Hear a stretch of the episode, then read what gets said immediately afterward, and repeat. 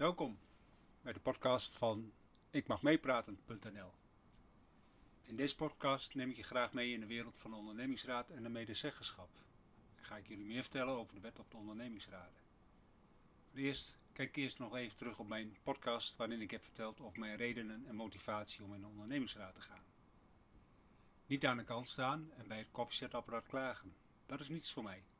Ik wil er graag over meepraten mijn ideeën en plannen bespreken en op die manier meedoen om het voor iedereen in mijn organisatie anders te maken of zelfs te verbeteren.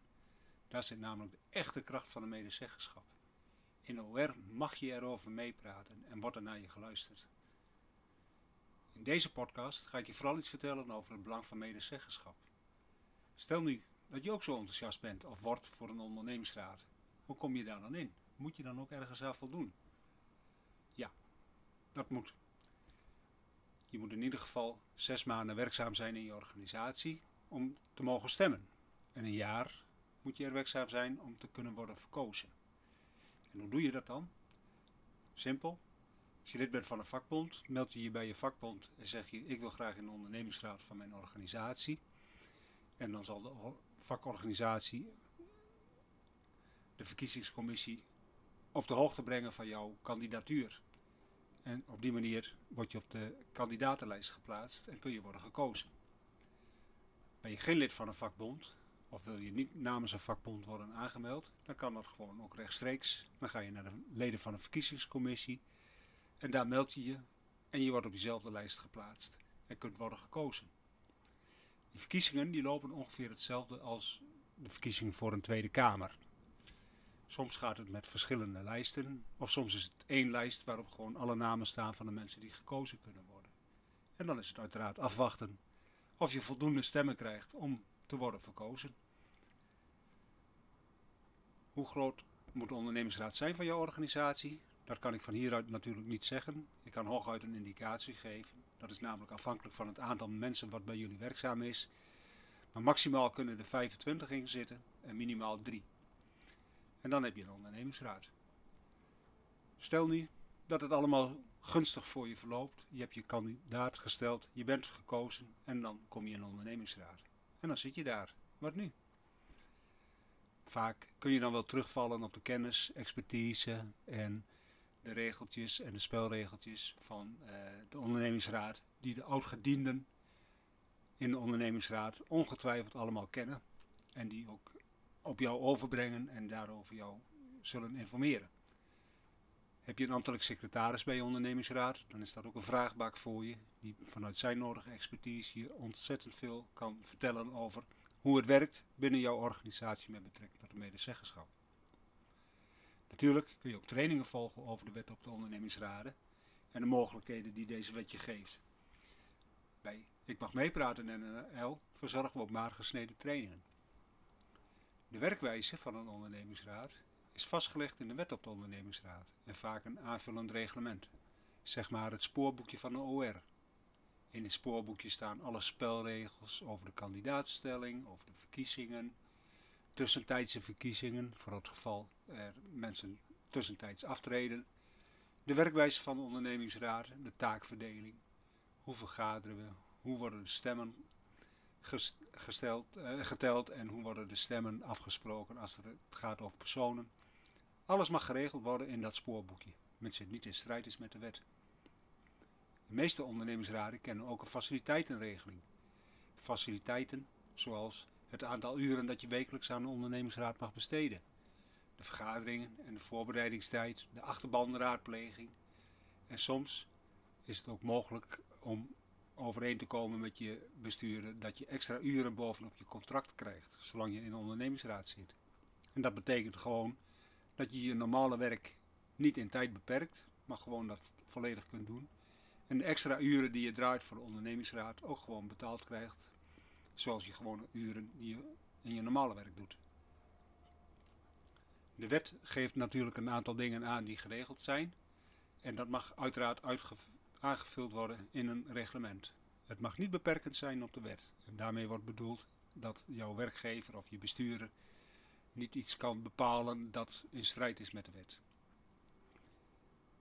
Dat is al het begin zeg maar, van hoe je in de ondernemingsraad gaat beginnen.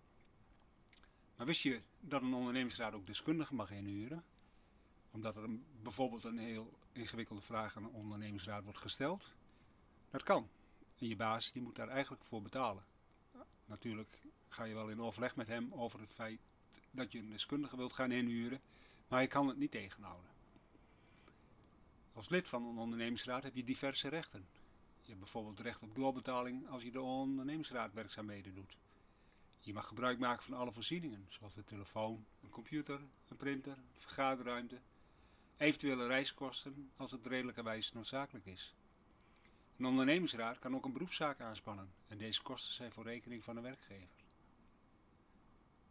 Je hebt ook recht op scholing, maximaal wel vijf dagen per jaar. De meeste ondernemingsraden kennen een eigen scholingsbudget en verzorgen van daaruit scholingen of trainingen. En wat ook heel belangrijk is, is dat je niet benadeeld mag worden omdat je in een ondernemingsraad zit. Bijvoorbeeld, je krijgt geen promotie omdat je in een ondernemingsraad zit. Of je wordt gedwongen overgeplaatst omdat je in een ondernemingsraad zit. En in sommige gevallen zou het zelfs zo kunnen zijn dat je geen contractverlenging krijgt. Die je anders wel gehad zou hebben als je niet in een ondernemingsraad zou hebben gezeten. Je moet dat overigens zelf wel aantonen dat je daardoor benadeeld bent. Maar daar staat wel tegenover, als je een diefstal pleegt, dan kun je net zoals ieder ander in je organisatie ontslagen worden. Dus dat lijkt me wel duidelijk. Je hebt ook plichten, bijvoorbeeld een geheimhoudingsplicht. Deze kan je door de bestuurder worden opgelegd en dat gebeurt, gebeurt soms als het over onderwerpen gaat die nog niet met anderen gedeeld mogen of kunnen worden. Dit geldt ook voor de ambtelijk secretaris en eventuele ingehuurde deskundigen. In de praktijk behandelt de ondernemingsraad over het algemeen adviesaanvragen, bijvoorbeeld een adviesaanvraag over een interne reorganisatie. Wat komt daar allemaal bij kijken? Welke gevolgen heeft dat voor de medewerkers? Uh, hoe spreek je het met elkaar af als er wel of niet gedwongen ontslagen moeten gaan plaatsvinden? Hoe ga je om met boventalligen? Al dat soort zaken zal in een reorganisatieplan aan de orde komen en de ondernemingsraad mag daarover een advies uitbrengen. Soms, en ook wordt de ondernemingsraad ook gevraagd in te stemmen met bijvoorbeeld een rusttijdenregeling of een beoordelingssysteem. Ook daarvoor uh, is een bepaalde systematiek uh, nodig, want je moet natuurlijk wel goed kunnen beoordelen wat het betekent voor jou, maar ook zeer zeker voor alle collega's in jouw organisatie. Daarom heb je ook als ondernemingsraadlid het recht op alle informatie die je nodig hebt om je taak goed te kunnen uitoefenen. En als je als OR vindt dat er iets moet gaan veranderen of moet worden geïntroduceerd, dan kun je hiervoor zelf als OR een initiatiefvoorstel maken. In de wet op de ondernemingsraad staat ook dat OR toe moet zien op, op en het bevorderen van een juiste toepassing van arbeidsvoorwaarden, de arbeidsomstandigheden, de arbeidstijden. Eh, de ondernemingsraad zorgt ook dat het werkoverleg bevorderd wordt, maar heeft ook een belangrijke taak in een gelijke behandeling voor mannen en vrouwen en ziet toe dat er niet gediscrimineerd wordt in je organisatie. In onze maatschappij kennen we natuurlijk een heleboel mensen die buiten de boot vallen of aan de zijlijn staan. Maar de ondernemingsraad moet daar ook op toe gaan zien dat ook gehandicapten en minderheden worden ingeschakeld in jouw organisatie. Ten slotte heb je natuurlijk ook zorg om het milieu. En dat is ook een stimulerende taak die de ondernemingsraad heeft en daarover allerlei adviezen, initiatiefvoorstellen en zo aan de bestuurder kan aanreiken. Samenvattend gezegd is het werk van een ondernemingsraad veelzijdig, divers en in tegenstelling tot wat soms wordt beweerd, zeer zeker geen stoffig iets. In mijn volgende podcast ga ik meer in op de vormen van overleg die er zijn en waar een ondernemingsraad zijn voordeel mee kan doen. Mocht je na het beluisteren van deze of mijn andere podcast meer willen weten, dan verwijs ik je graag naar onze website www.ikmagmeepraten.nl. Dank jullie wel.